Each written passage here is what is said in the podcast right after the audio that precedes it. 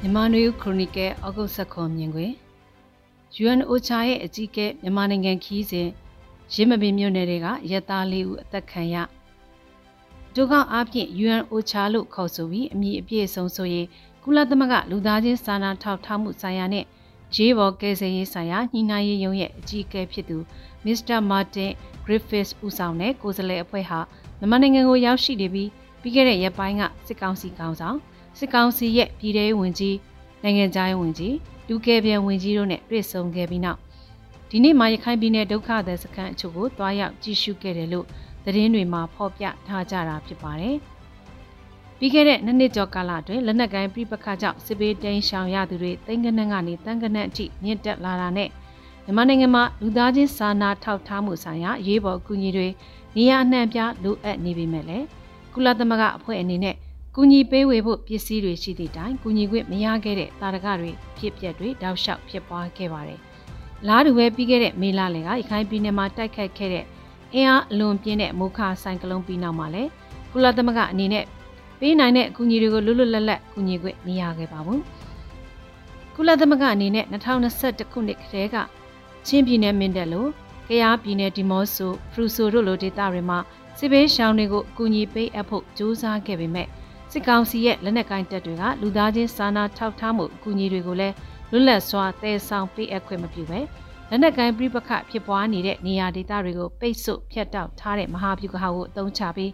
အကူအညီတွေမပေးနိုင်အောင်တားဆီးခဲ့တာဖြစ်ပါတယ်။အခြားသောပြည်내တိုင်းဒေသတွေနဲ့အလားတူရခိုင်ပြည်နယ်မှာလည်းလက်နက်ကိုင်ပြပခတွေဖြစ်ပွားခဲ့တဲ့ယမန်နှစ်ကာလကလည်းကူညီခွင့်ကောင်းစွာမရခဲ့သလိုခုနောက်ဆုံးမိုခါဆိုင်ကလုန်းတန်ခန်းစားကြရတဲ့ သိန်းနဲ့ချီတဲ့မုံတိုင်းတန်ခန်းစားရသူတွေကိုလည်းလွတ်လပ်စွာအကူအညီပေးခွင့်မရကြတာသတင်းတွေမှာတွေ့ရဖတ်ရမှာဖြစ်ပါတယ်။ဒီလိုအခြေအနေတွေအောက်မှာ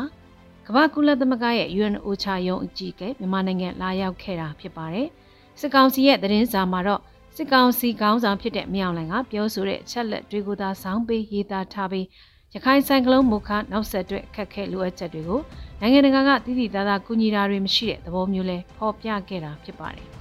BBC မြန်မာပိုင်းရဲ့သတင်းမှာတော့ရခိုင်မူခါဆိုင်ကလုန်းတန်ခန်းစားနေကြရသူတွေကိုနိုင်ငံတကာအနေနဲ့ဆိုရရဲ့မျက်နှာထက်ပြည်သူရဲ့မျက်နှာကိုကြည့်ပြီးကူညီတာပိုကောင်းတယ်လို့စစ်ကောင်စီကောင်းဆောင်ကကုလသမဂ္ဂအကြီးအကဲကိုပြောဆိုခဲ့တယ်လို့ရေးသားထားတာဖြစ်ပါတယ်။ကုလသမဂ္ဂနဲ့နိုင်ငံတကာအစိုးရတွေအနေနဲ့လူသားချင်းစာနာထောက်ထားမှုအကူအညီပေးအရာမှာစစ်ကောင်စီလက်ထက်ကတဆင့်ကူညီတာမျိုး၎င်းတို့လက်အောက်ကထွေအုပ်ဦးစီးဌာနလို့ လူကယ်ပြန်ဝန်ကြီးဌာနလိုကတဆင့်ပေးအပ်တာမျိုးကိုမလူလားကြပဲ၎င်းတို့ရဲ့စီးရင်ကောက်ယူမှုလိုအပ်ချက်စီးရင်ကောက်ယူမှုတွေအရအကူအညီလိုအပ်သူတွေတဲ့ဓာတ်ရိုက်သားပေးအပ်လိုကြတာဖြစ်ပါတယ်။စစ်ကောင်စီအနေနဲ့နိုင်ငံတကာအစိုးရနဲ့ကုလသမဂ္ဂအဖွဲ့ကြီးကပေးအပ်တဲ့အကူအညီတွေကိုနိုင်ငံရေးအသုံးချမှာအခြားသောဖွဲ့အစည်းတွေကဖျက်ယူအသုံးပြုနိုင်တဲ့အန္တရာယ်တွေကိုစိုးရိမ်မှုရှိကြတာဖြစ်ပါတယ်။ကုလသမဂ္ဂအဖွဲ့ကြီးအနေနဲ့ဆီယနာသိမ်းမှုဖြစ်ပွားပြီးနောက်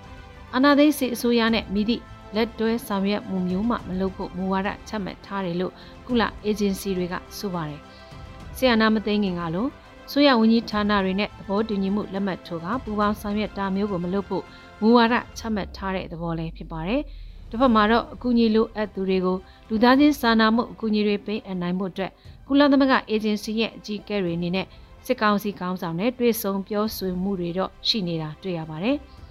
စစ်ကောင်စီအနေနဲ့အခုလိုကုလသမဂ္ဂအေဂျင်စီတစ်ခုရဲ့အကြီးအကဲဖြစ်သူကနေပြည်တော်ကိုလာရောက်ပြီးစစ်ကောင်ဆောင်တွေနဲ့တွေ့ဆုံခြင်းကို၎င်းတို့ကိုအတိမတ်ပြုခြင်းသဖွယ်သတင်းဖော်ပြနေကြတာလည်းဖြစ်ပါတယ်။ဒီနေ့သတင်းတွေနဲ့ခြားသောအကြောင်းအရာတွေနဲ့သတင်းတစ်ပုဒ်ကိုကောက်နှုတ်တင်ပြရရင်ပလဲမြို့နယ်နဲ့ရင်းမပင်မြို့နယ်အစပ်မှာပြီးခဲ့တဲ့ရက်ပိုင်းက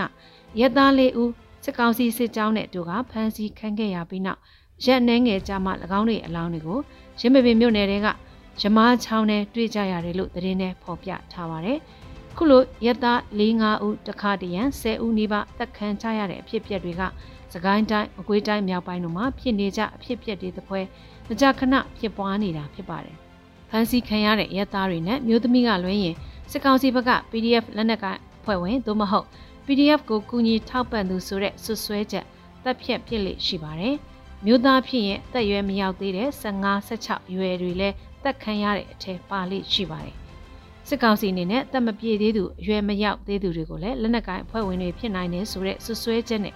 အလို့မပေးဘဲတက်ဖြတ်လိရှိတာဖြစ်ပါတယ်။မုံနမီကျေးရွာကအဖြစ်ပြက်ဖြစ်ပွားစဉ်ကပြန်လွတ်မြောက်ခဲ့တဲ့ကျေးရွာသားတို့ကိုလူမပင်းမီစစ်ကောင်စီတပ်ဖွဲ့ဝင်တအုပ်ကပြောဆိုရမှာ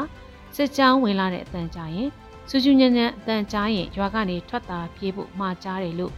AFA သတင်းနဲ့ဖော်ပြထားတာတွေ့ရပါတယ်။ခုလိုကျင့်ရွာတဲ့ကြံနေရစ်ခဲ့သူတွေကိုတက်ကြီးတာငယ်တာတွေမရွေးပဲမျိုးသားဖြစ်ရင်ပဲရွယ်မဆိုတက်ဖြတ်ဖို့အထက်ကညွှန်ကြားထားတာမျိုးရှိကြကြောင်းခုလိုစစ်ကောင်စီတပ်ဖွဲ့ဝင်တဦးကနောက်နောက်တပ်ဘေးနဲ့မကြုံချင်ရင်ထွက်ပြေးဖို့မှားကြားတဲ့သဘောဖြစ်နိုင်ပါတယ်။စကိုင်းတိုင်းနဲ့မကွေးတိုင်းမြောက်ပိုင်းကကြေးရွာတွေဖို့တပ်ဆုံးရှုံးမှုနဲ့နေအိမ်စိုက်ပျိုးထားတဲ့ရေခါစတဲ့ပိုင်ဆိုင်မှုတွေဘယ်ဟာကိုရွေးမလဲဆိုတဲ့အနေအထားမျိုးကြုံနေကြရပြီး နှစ်နှစ်လာလာကစူဆောင်ကတိဆောက်ထားတဲ့နေအိမ်တွေတောင်းနဲ့ချီမိရှုဖျက်ဆီးခြင်းခံရပြီးလဲဖြစ်ပါတော့တယ်ရှင်။